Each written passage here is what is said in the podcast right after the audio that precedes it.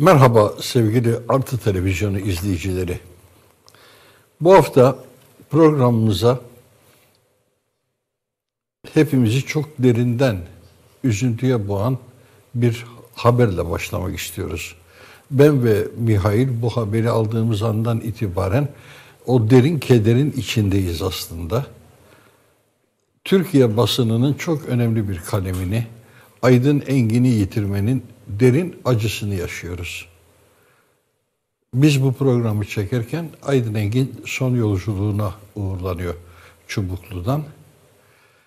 Ve evet Türkiye basınında, Türkçe basında uzun yıllardan beri yoğun emek vermiş olan bir muhalif aydını kaybetmiş olduk Aydın Engin'in ölümüyle. Biraz daha net konuşalım. Gerçek bir sosyalist aydını kaybettik. Hiç taviz vermedi duruşundan, hiç eğilip bükülmedi. Hep doğru bildiği yolda yürüdü. Sözünü esirgemedi ama bunu yaparken de yüzündeki tebessüm, yüzündeki muziplik hiç eksik olmadı. O yüzden de hep dost canlısı bir insandı. Hep dostları vardı çevresinde. Ee, onunla şahsen tanışmış olmanın, aynı ortamda bulunmanın keyfini ilk önce Agos gazetesinde yaşamıştık. Hrant Dink'in ölümünden sonra hani elini taşın altına koyma tabiri vardır ya, o tabiri fiiden hepimize gösteren bir örnek oldu. Evet. Ee, ertesi günden başlayarak, cinayetin hemen ertesi günden başlayarak e, bütün günlük mesaisini Ağustos'ta geçirmeye başladı. Uzunca bir süre ta ki Ağustos'un e, yeni genel yayın yönetmeni belirlenene kadar Etyen Mahçupyan görevi devraldıktan sonra da sessizce e, çekildi Ağustos'tan. E, bir süre sonra da oradaki köşe yazılarından ama e, o çok zorlu dönemde Ağustos'taki özverili varlığı, mevcudiyeti hepimizde çok derin iz bırakmıştır. Yani şu ifadeye bak yüzündeki. Evet ve böyle taksi şoförü Frankfurt'ta taksi şoförü muhalif olduğu yıllarda mecburen e, yaşadığı bir sürü baskıların sonucunda memleketi terk etmek zorunda kalmışken günümüzde halen binlercesi gibi demek ki kaç yıldan beri biz bu çileyi yaşıyoruz. 12 Eylül alsak 40, 12 Mart'ı alsak 50 yıldan beri aydınların çilesi böyle bir şey işte. Aydın Engin'de. Zaten aydınların da çile dönümünde ortada olması gerekiyor. Ve Aydın Engin gerçekten e, kendisinin varlığını ortaya koydu. Ben bugün havayı da güzel gördüm. Biraz keyifli güneş açtı uzun bir müddetten sonra buraya geldim. Haberim yoktu. Haberim yoktu. Otururken alt yazılar geçti televizyondan. Yani sarsıldım. İki haber çıktı beni sarsan.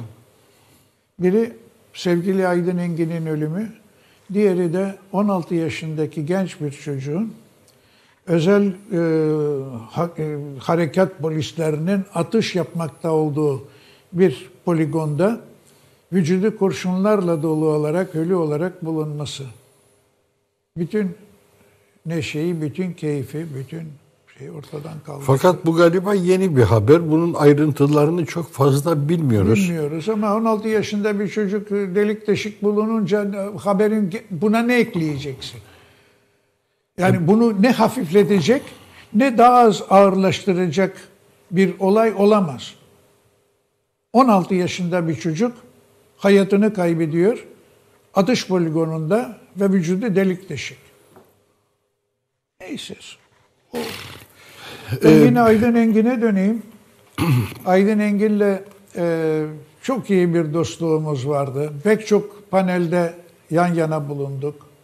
Özellikle gazeteciler cemiyetinin yaptığı o gazetecilerin Evet, gazeteciler e, gününde ölümü öldürülmesi konularıyla ilgili olarak. Bir de eşi Oya Baydar Hanım çok çok özel bir aydın. O, o, o dönemlerde e, Erguvan Kapısı kitabını yazıyordu. O da çok korkunç güzellikte e, aydınlatıcı bir kitap, bir üzün, uzun bir çalışma e, dönemi de sonra yapılmış, e, yazılmış bir kitap. Ve o dönemde e, benle de temasa geçmişlerdi. Ben de e, Dimitri hocamıza merhum e, haber verdim. Beraber bu konuları konuştuk. Çünkü Erguvan Kapısı'nın o Yunanca'da Kirkoporta hikayesi var. İstanbul'un alınması konusunda. Ee, orada tanıştık ve o adamın espritüel şeyine, e, karakterine, muzipliğine o bir şeyi söylerken en korkunç şeyi söylediği zaman bile böyle gözlerinde bir parıltı vardı Aydın'ın. Öyleydi ama e, sırası geldiğinde de fena öfkeleniyordu. Haklı olduğu noktalarda o zaten öfkelenirken biz çoktan dolmuş oluyorduk. O gözdeki parıltı bence o öfkeden çok daha fazla delip geçiyordu. Hı hı. O karşı olduğu fikirdeki kişileri. Kişileri. Ee, dedik ya işte Türkiye basınında çok önemli bir kayıp bu. Çünkü e, Türkiye basını hem çok şerefli evlatlar vermiştir, hem e, çok güzel sözlerle yad edilmesi gereken evlatlar vermiştir. Hem de e, düzenin dümen suyuna uyan çok kaypaklar, çok karaktersizler, çok kişiliksizlikler de vermiştir. Hepsi aynı iş alanının içerisinde e, vakti zamanında gazeteci derken bir an düşünürdün, durup düşünürdün. Bugün artık o durup düşünme bahsi sadece az sayıdaki insanla mümkün oluyor. Çok daha geniş bir kesim, kendine gazeteci sıfatını yakıştıran e, kesim hiç düşünmeden üstü çizilecek bir değersizlik ima ediyor. Aynen yargı mensuplarının düştüğü durum gibi. Eskiden de savcı dediğinde, yargıç dediğinde bir an durup düşünürdün. Şimdi savcı, yargıç dediğinde bunların prestiji fevkalade tartışmalı bir hale gelmiştir. Ee, verdikleri kararlardan ötürü. O kararlar e, muhalefeti çok öfkelendirdiği gibi sırasında Cumhurbaşkanı da çok öfkelendiriyor. Lakin Cumhurbaşkanı'nın öfkelenmesinin ayrı bir anlamı var. Cumhurbaşkanı öfkelendirince o mahkeme heyetini feshedin diyor. o savcıyı oradan adamı şuraya gönderin. O hakimi oradan alın buraya gönderin diyebiliyor. Muhaliflerse bunu diyemiyorlar. Ee, göz göre göre işlenen cinayetlerde Yargıtay eğer evlenme teklifini kabul etseydi mağdur olan bu cinayet işlenmeyebilirdi diyebiliyor. Böyle bir yorum yapabiliyor. Ee, öbür tarafta e, eşini 13 yerinden bıçaklamış, 23 yerinden bıçaklamış. Çok seviyordu herhalde. E, duruşmaya kravatla geldiği için buna da diyor ki işte indirim Ne kadar çok seviyorsa müebbet o kadar hapis, çok bıçak darbesi ha, Müebbet hapis vermiştik onu Benim 13 yıla indirelim. Benim aklımda çıkmayan bir enstantane var Aydın'la ilgili. O Cumhuriyet Gazetesi'nden Doğan olaydan sonra tutuklanmış ve iki polis nezaretinde adliyeye götürülüyor. Bir ara yolda yorgunluktan yahut kim bilir belki de rahatsızlık vardı. Şöyle bir oturmak istedi.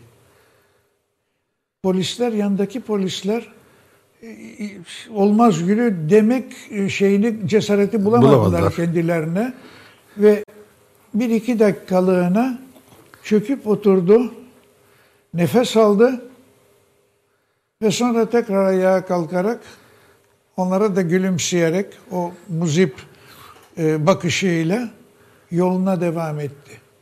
Gerçekten e, korkunç bir estantane. Bu arada tabii e, şey de üzerinde... Bakayım Cumhuriyet Gazetesi ne yazacak? Ne yazacak, nasıl verecek bu haberi? Umarım Umarım ukalalık edip hiçbir şey yazmazlar. Evet. Bugünkü cumhuriyete bu beklenir. Ee, Mihail bir de Ee, Aydın Engin 8 Mart'ta safra kesesi ameliyatı olmak için hastaneye gidiyor.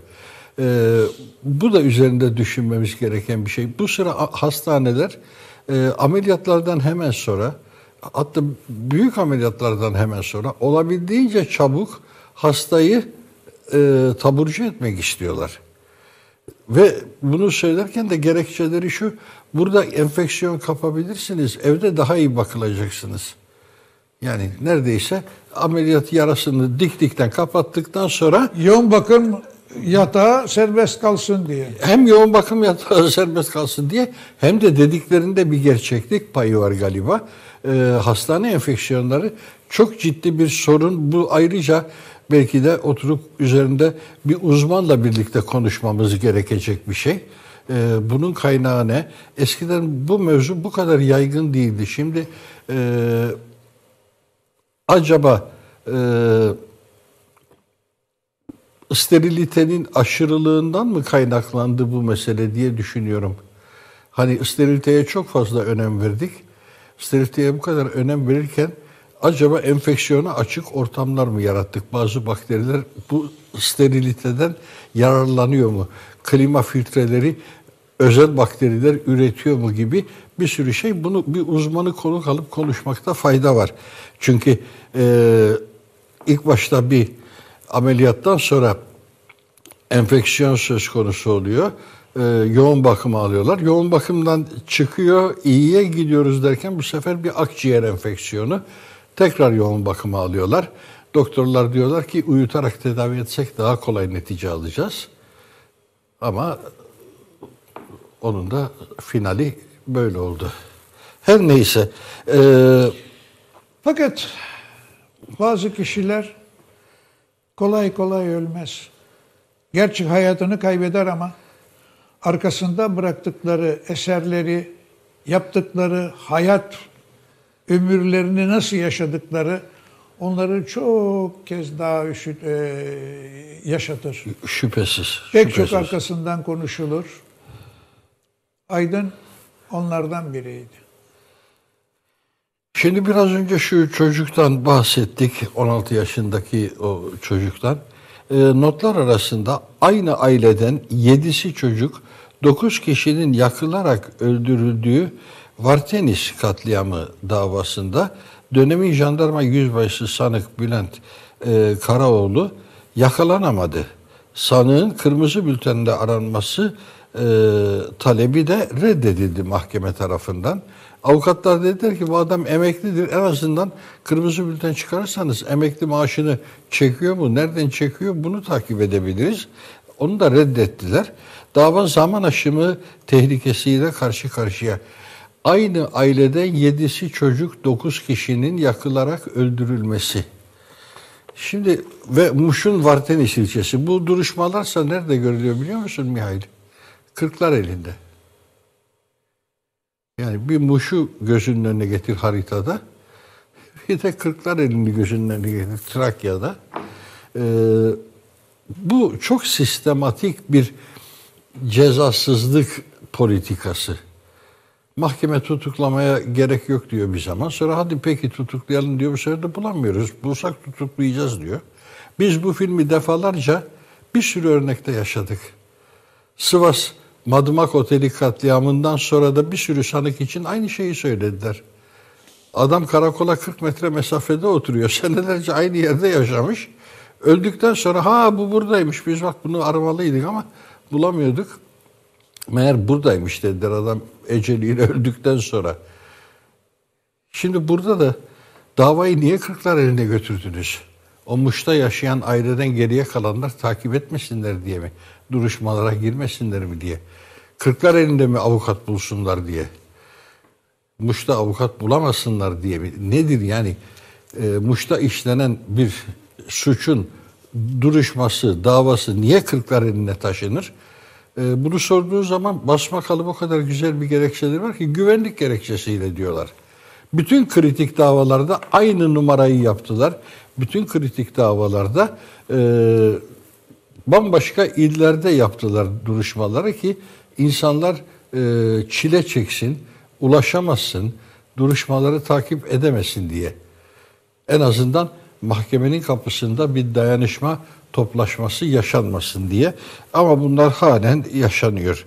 Ee, senin aldığın notlarda bir husus vardı. Avrupa Parlamentosu Dış İlişkiler Komisyonu Evet. bir e, protokol yaptı dedin ya da bir Evet. deklarasyon mu? Onu bir Avrupa Birliği Dış İlişkiler Konseyi'nde onaylanan stratejik pusulada neler var? kısa kısa not aldım. Kayyum valiler yerel demokrasi ruhuna aykırı olduğunun altı çiziliyor. Ayrıca adil seçim ilkelerine aykırı olduğu görüşüne de yer veriliyor. Kayyum e, atanması. Yüksek Seçim Kurulu'nun bazı belediye başkanlarına bazbatalarını vermemesini eleştiriyor. Merkez yönetimin yerel yönetimlere danışmadan kararlar alabilmesi eleştiriliyor. Biz burada kaç kere söyledik, demokrasi dediğin üç ayak üstüne durur. O ayakların bir tanesi meclisi, öbürü de en önemlilerden biri yerel yönetim. Ona danışmadan ne vergiler tarh edileceği merkezden e, karar alınarak yapılıyor. E, sınırlı yetkileri e, şey varmış bu yerel yönetimlerin zaten bu konuda. E, bir de Dışişleri Bakanlığı bu raporu gördükten sonra çünkü raporda bir de Doğu Akdeniz konularıyla ilgili e, görüşler var. Şöyle diyor, Doğu Akdeniz bölümünün Türkiye'nin ve Kıbrıs Türklerinin bu denizdeki haklarını yok saydığını ve bu kesimin aynı alanda iddialara bulunan iki Avrupa Birliği üyesi tarafından dikte edildiğini, burada herhalde Yunanistan'la Kıbrıs. Kıbrıs Cumhuriyeti e, Kastediliyor. şey e, göze alınıyor.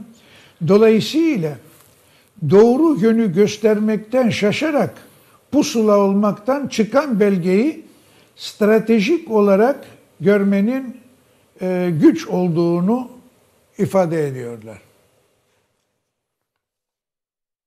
Burada yerel yönetimler vurgusu yaptın. Bu haftanın bir özelliği de yerel e, kayyumların yerel yönetimlere atanan kayyumlar yönetiminin birinci yılını tamamlamış olması, yıl dönümü olması. E, bu da bir kez daha kayyum rejimini gündeme getirdi Mihail. Çünkü e, bu kayyum rejimi dediğimiz zaman e, Boğaziçi e, direnişi halen devam ediyor. Halen orada e, birçok önemli e, mesaj e, aktarılıyor. Can Can'dan halen akademisyen Can Can'dan halen çok önemli e, mesajlar veriyor ve e, çok tuhaf bir şekilde de bu hafta bizim e, konuştuğumuz konular arasında hep e, adli meseleler e, gündeme geldi. Mesela 2017 yılında Cumhuriyet Gazetesi soruşturması kapsamında tutuklanan avukatların serbest bırakılması için avukatlar 104. haftasında Çağlayan Adliyesi'nde Boğaziçi Üniversitesi'ndeki uygulamalara karşı bir araya geldi. Çok sayıda avukat adalet nöbetini tuttu ve direnişin devam edeceği mesajı verildi.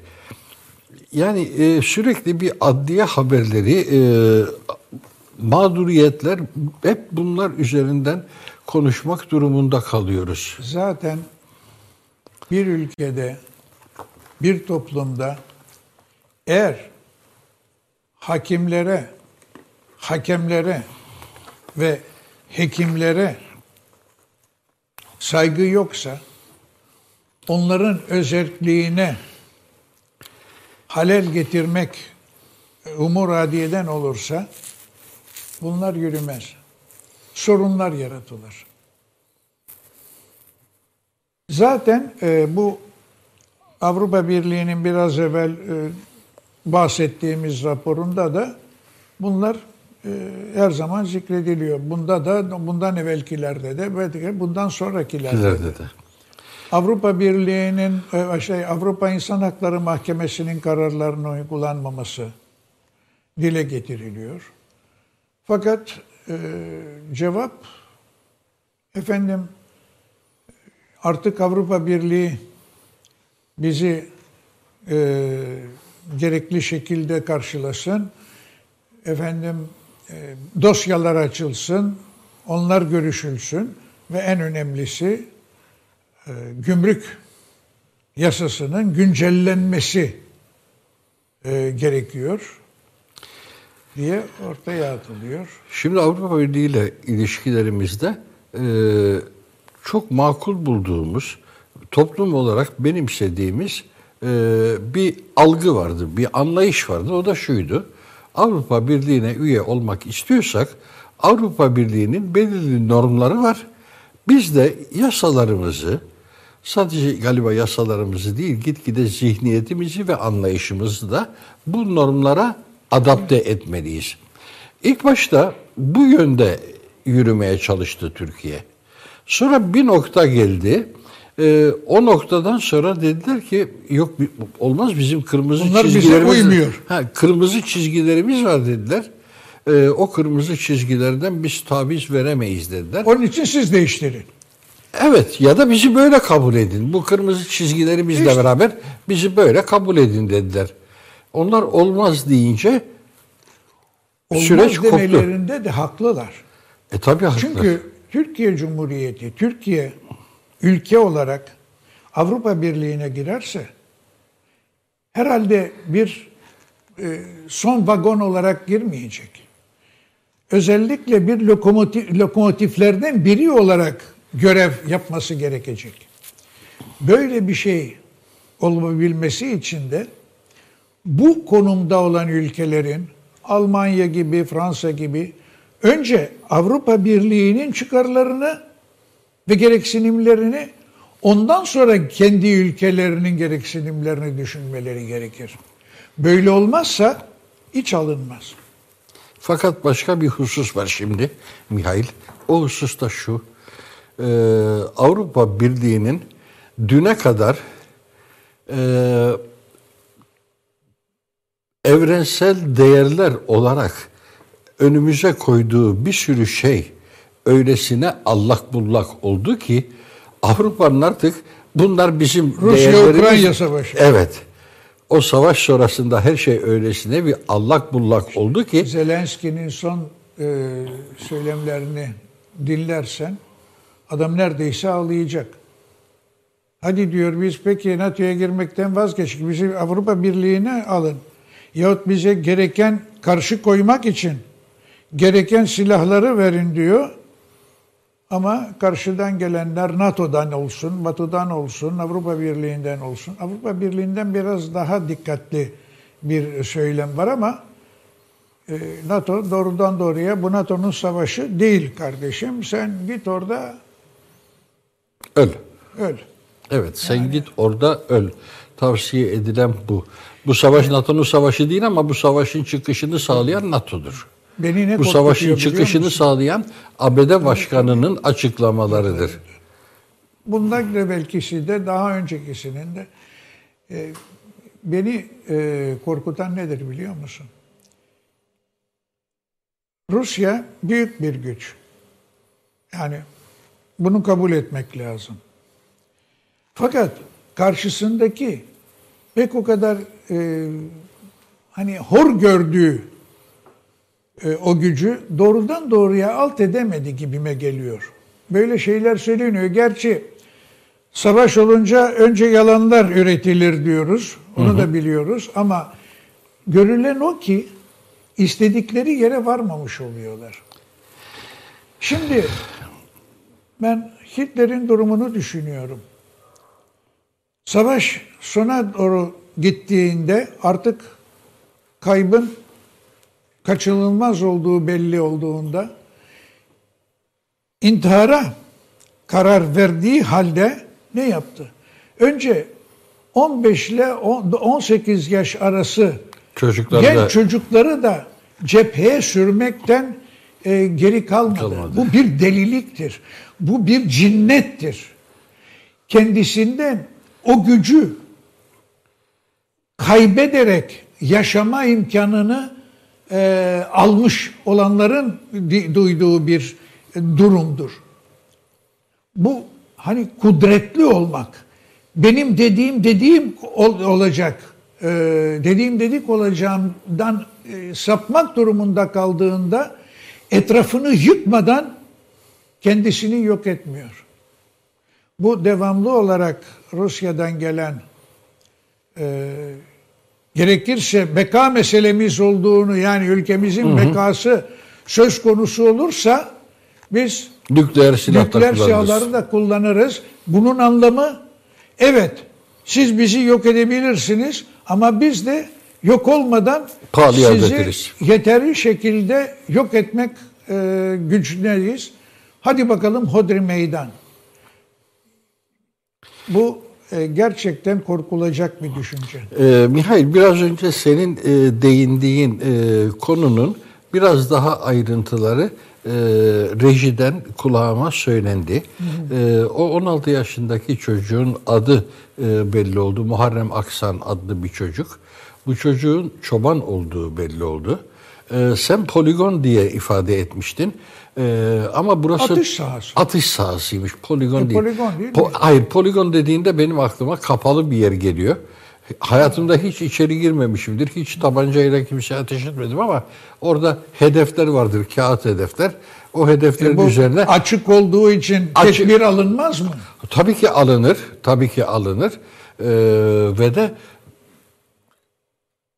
oradaki bilmiyorum yani işte e, atış alanıymış burası evet E, özel harekat polislerinin e, atış talimi yaptıkları bir alanmış e, Urfa'nın bir ilçesinde ve e, çobanmış bu çocuk aynı zamanda da E, çobanlık yaptığı arazide orman içerisinde bulunmuş öyle delik deşik edilmiş bedeni.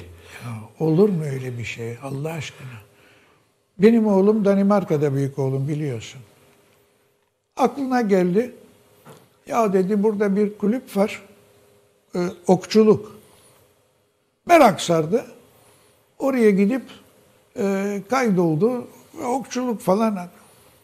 Kardeşim dedi. içeri girdik. Atış yapılacağı anda Herkes kenara çekildi. En ufak ayrıntı gözden geçirildi. O atış sahasının yani bir ne bileyim bir e, dar açıysa 30-40 dereceli onun ne bileyim 90 100 120 derecelik bir açı e, şeyinde e, boyunda Boyda. her şey gözden geçirildi. Öyle atışlara izin verildi. Böyle herkes oraya gidip de bam bam bam atış edebilir mi? Yahut o- oku Ok atabilir mi? ata, ok atabilir mi? Herhalde orası bir mera ise, orası bir e, çobanın işte Dolaştığı yerse. dolaştığı bir yerse. Yani özrü kabahatinden büyüktür bunun. Burada bir özür de yok zaten. Ee, esas şimdi e, çok önemli bir başka e, haberimiz var.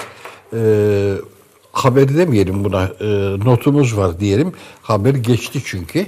E, Hakkari'de, Şemdinli'de bir polis memurunun aracında 52,5 kilogram Evet. patlayıcı yakalandı.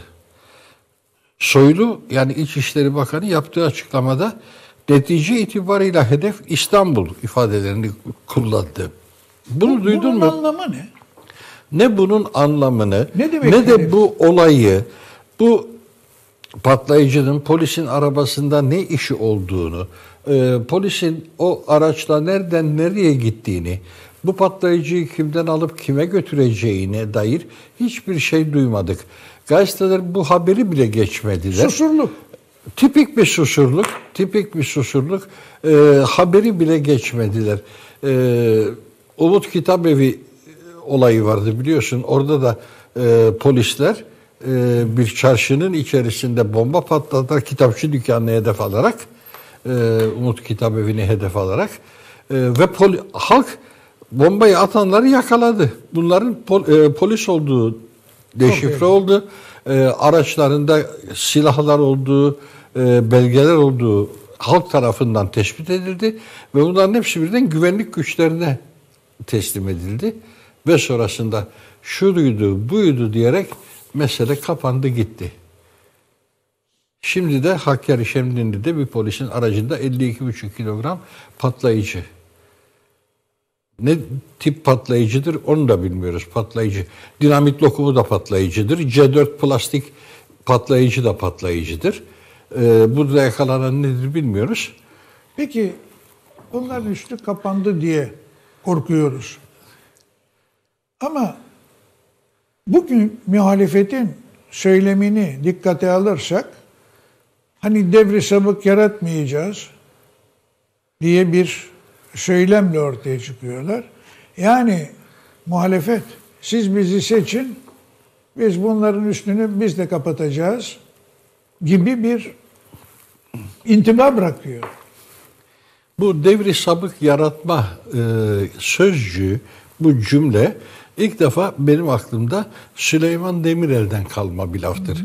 Eski Türkçe ile bir sürü sözcüğü kullanmayı severdi Süleyman Demirel. Ve bundaki murat da şudur. İktidarlar iktidarı kaybettikleri zaman kendilerinden hesap sorulacağından fevkalade korkarlar. O yüzden de iktidarı kaybetmemek için var güçleriyle bir anlamda tırnaklarını geçirirler ki oradan koparılmasınlar, sökülmesinler. Sökülürlerse bedeli çok pahalı olacaktır çünkü. Ee, karşı taraf onların bu direncini azaltmak için sırtını ovalar. Der ki sen merak etme biz devri sabık yaratmayacağız. Ama biz kazanacağız sen de yavaşça kenara Karamanlı çekil. şöyle yaptı. Yunanistan'da o e, junta devrildiğinde ama eninde sonunda halkın e, başvurusuyla o e, şeyler Generaller yargılandı. açıldı, yargılandı.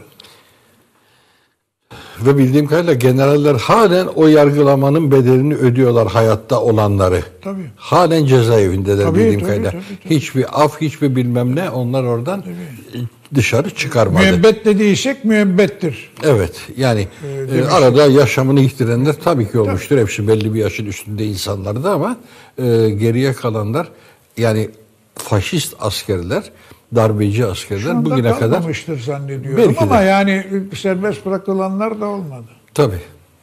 Tabii. Ee, devri sabıkın mevzusu tam da işte böyle bir mesele. Yani e, bugün iktidarı bırakmamak için e, gösterilen çabayı yumuşatmak için, onu biraz pasifize etmek için ifade edilen bir laf ama memleketin devri sabıkla hesaplaşmasına ihtiyacı var. Çok mağduriyet var ortalıkta. Çok kul hakkı yeme örneği var. Ee, Devri bunlarla hesaplaşmak gerekiyor.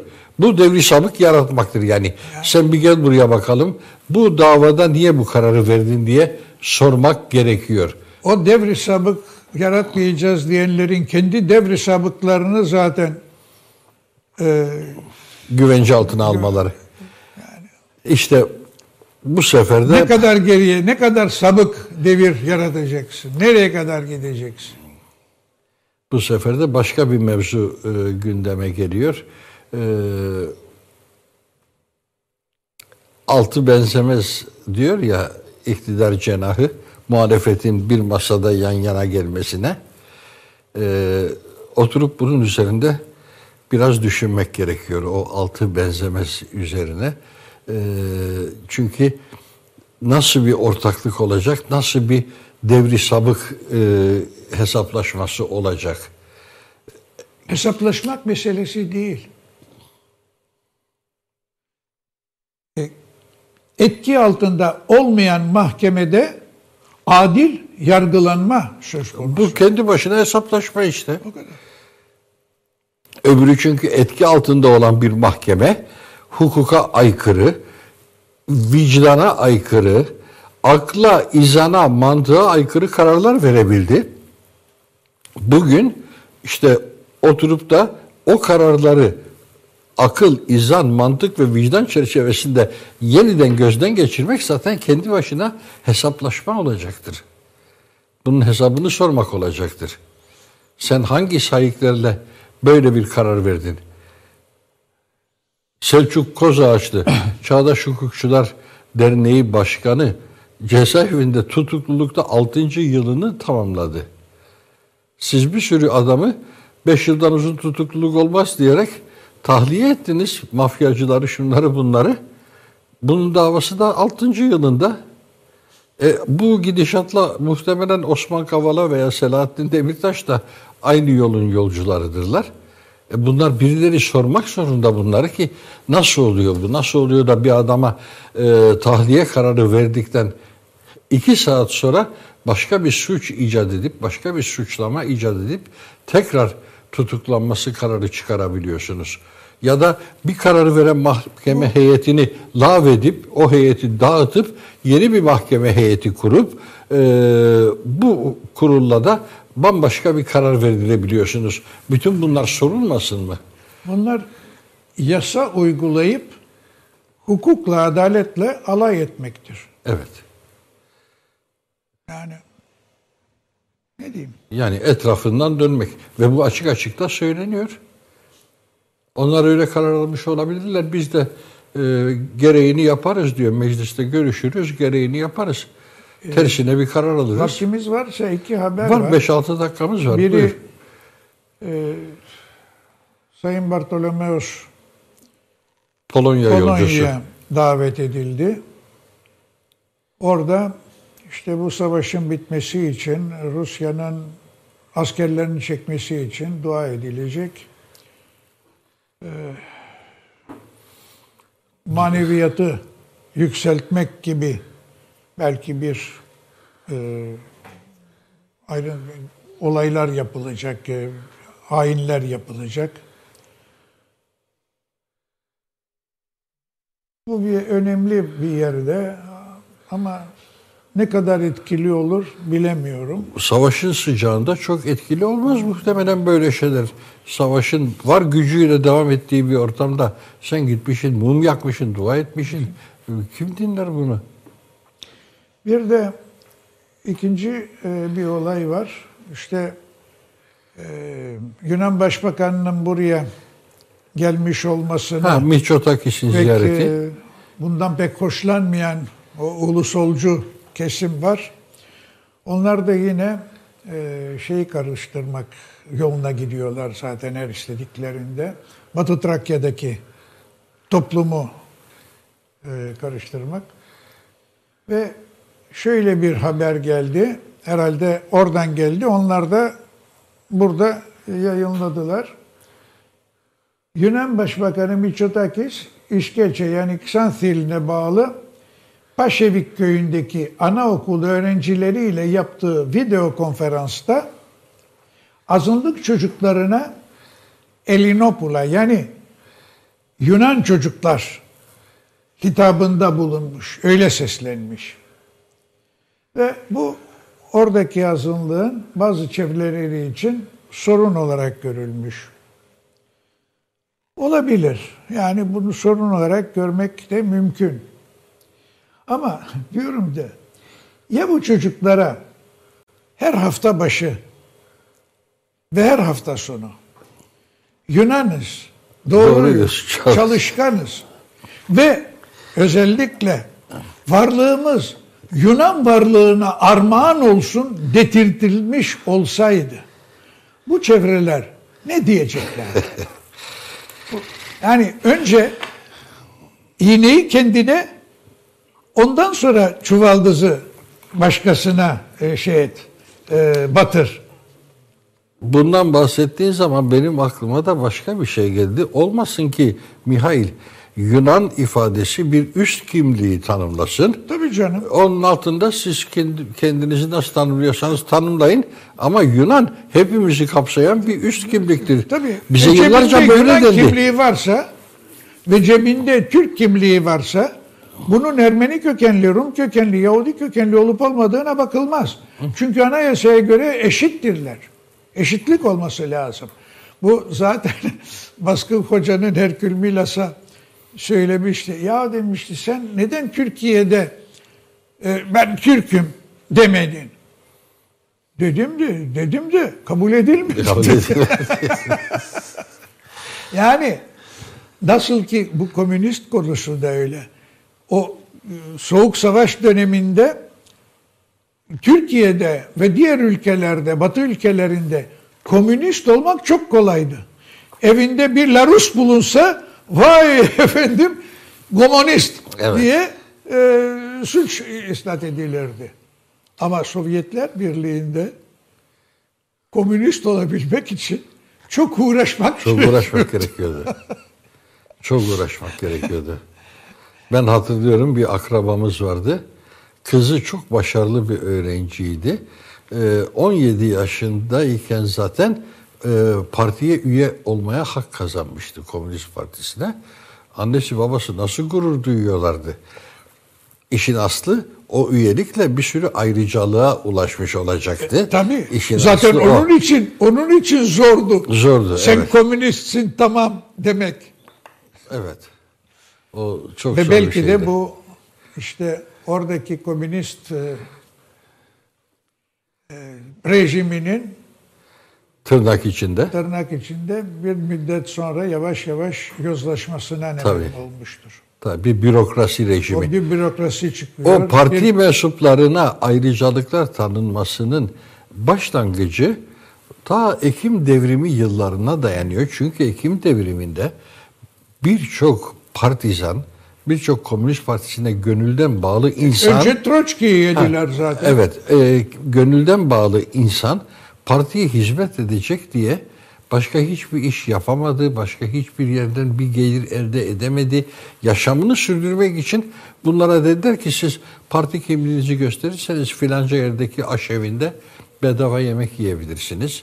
E, parti Tamam, kimliğinizi gösterirseniz da. otobüse binebilirsiniz bilmem ne. Oligark olmaya Ha, oradan başladı ama. Başlangıç oydu.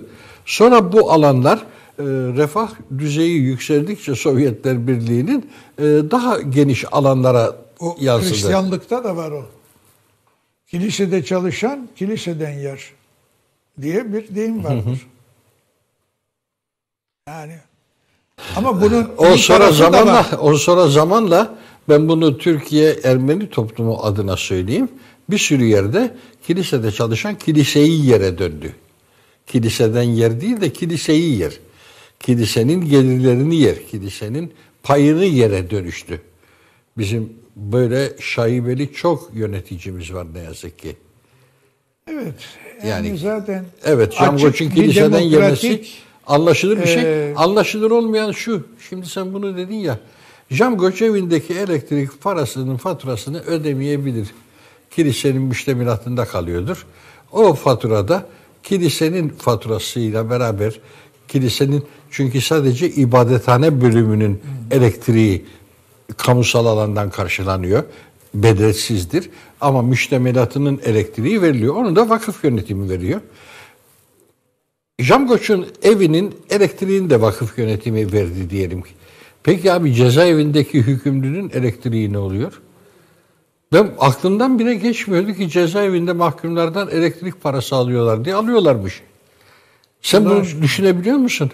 60 lira alıyorlarmış aylık. Şimdi 150 liraya mı 170 yoksa liraya mı çıktı? Vallahi bilmiyorum. karanlıkta mı yatıyor? Bunlara ciddi bir zam gelmiş. Öyle bu mevzu oldu. Ben şaşırdım kaldım. Aklımdan geçmezdi ki cezaevinde insanlardan elektrik parası alınır diye. E bu Su durumda- parası alınmıyor mu? Bilmiyorum artık karavana parası da alıyorlar mı, almıyorlar mı? Yani sanki adam kendi iradesiyle orada yatıyor. Bana biraz çok tuhaf geliyor. Bana da çok tuhaf geldi. Ne olduğunu da tam anlayamadım ama haber tam da böyleydi. 60 liraydı diyorlar. Aylık elektrik ödememiz. Şimdi 170 liraya çıktı zamlardan sonra. Akıl alacak gibi görünmüyor biliyorum. Başka örnekleri var mıdır onu da bilmiyorum. Bu arada UKOME toplantısı yapıldı. Ee, İstanbul Büyükşehir Belediyesi'nin e, toplu taşıma ücretlerine ve servis ücretlerine zam talebi reddedildi. Toplu taşımaya yüzde 50 kadar, e, servis ücretlerine yüzde 40 kadar bir zam talebi vardı. O zam talebi son UKOME toplantısında gene reddedildi. Yani e, herkesin gördüğü bir gerçeklik. Artık Reddeden kurum e, Reddeden şey mi? kurum, e, bakanlığın e, temsilcilerinin oluşturduğu bir çoğunluk. UKOME. İstanbul'da bu. Evet. Peki- Ulaşım Koordinasyon Merkezi diye bir şey. İktidara yakın belediyelerde ne oluyor? Bilmiyorum. Bilmiyorum. Büyükşehir Belediyesi bir karar alacağı zaman UKOME toplantısında bu tür kararlar kararlaştırılıyor. Taksi tarifelerine zam mı yapılacak? Yeni taksi plakası mı verilecek? Bunlar hep UKOME toplantısında e, Ulaşım Koordinasyon Merkezi toplantısında karara bağlanıyor. O koordinasyon merkezinde evvel de dediğimiz- Ulaştırma Bakanlığı'nı temsil eden e, delegeler var. E, esnaf odalarını temsil eden delegeler var ve bunlar topyekün bir çoğunluk oluşturabiliyorlar. Belediyenin getirdiği her öneri reddediliyor. Demek ki- Cumhurbaşkanı pardon e, Mikhail şunu tamamlayayım. Cumhurbaşkanı e, İstanbul seçimleri kaybedilince şu ifadeyi kullanmıştı. E, Ekrem İmamoğlu'nu topal ördek yapacağız dedi. O topal ördektir dedi. Hareket edemeyecek. Biz bu topal ördek lafını da Amerikan siyasetinden öğrenmiştik. Onlar çok kullanıyorlardı.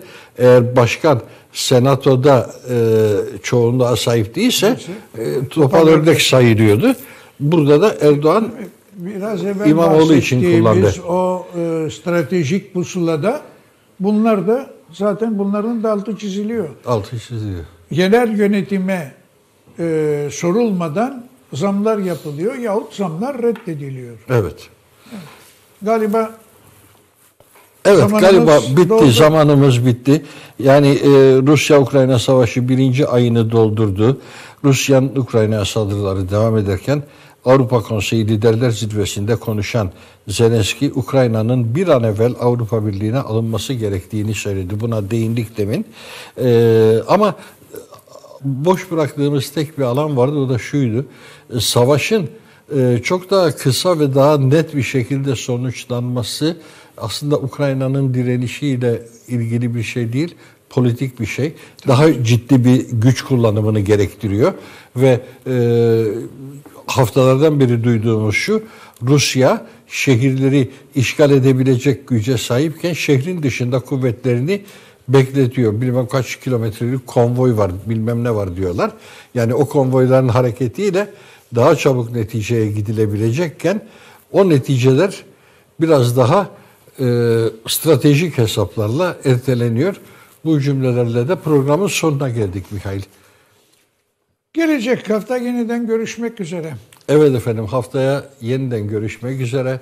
Her şey gönlünüzce olsun.